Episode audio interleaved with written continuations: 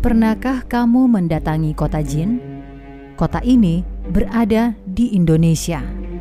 Tepatnya di Desa Kota Jin Utara, Kecamatan Atinggola, Kabupaten Gorontalo Utara, Provinsi Gorontalo.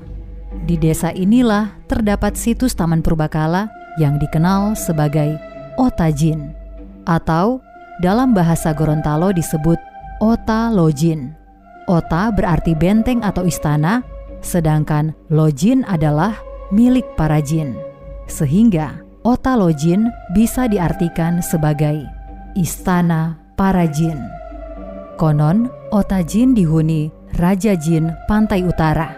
Di tengah hamparan sawah, kita akan melihat bongkahan yang terdiri dari tumpukan bebatuan yang cukup besar dan kokoh dengan sebuah gua berlorong sempit yang hanya bisa dilalui satu orang saja. Di gua ini terdapat beberapa ruangan, meja dan kursi, serta bak penampung air yang terbuat dari batu alam. Kesan mistis semakin melekat dengan adanya dua akar pohon beringin yang berdiri kokoh tepat di tengah gua tersebut.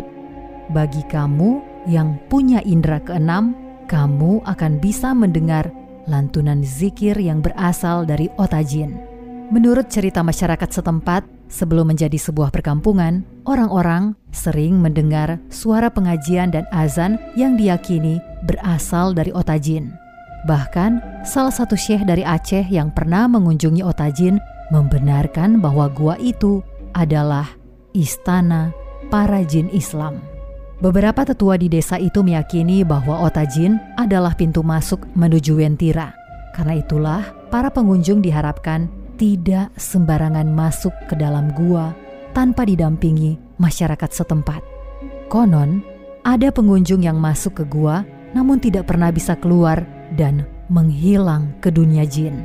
Bahkan, bagi orang-orang yang memiliki kemampuan tertentu, bisa melihat langsung para jin yang menghuni otajin.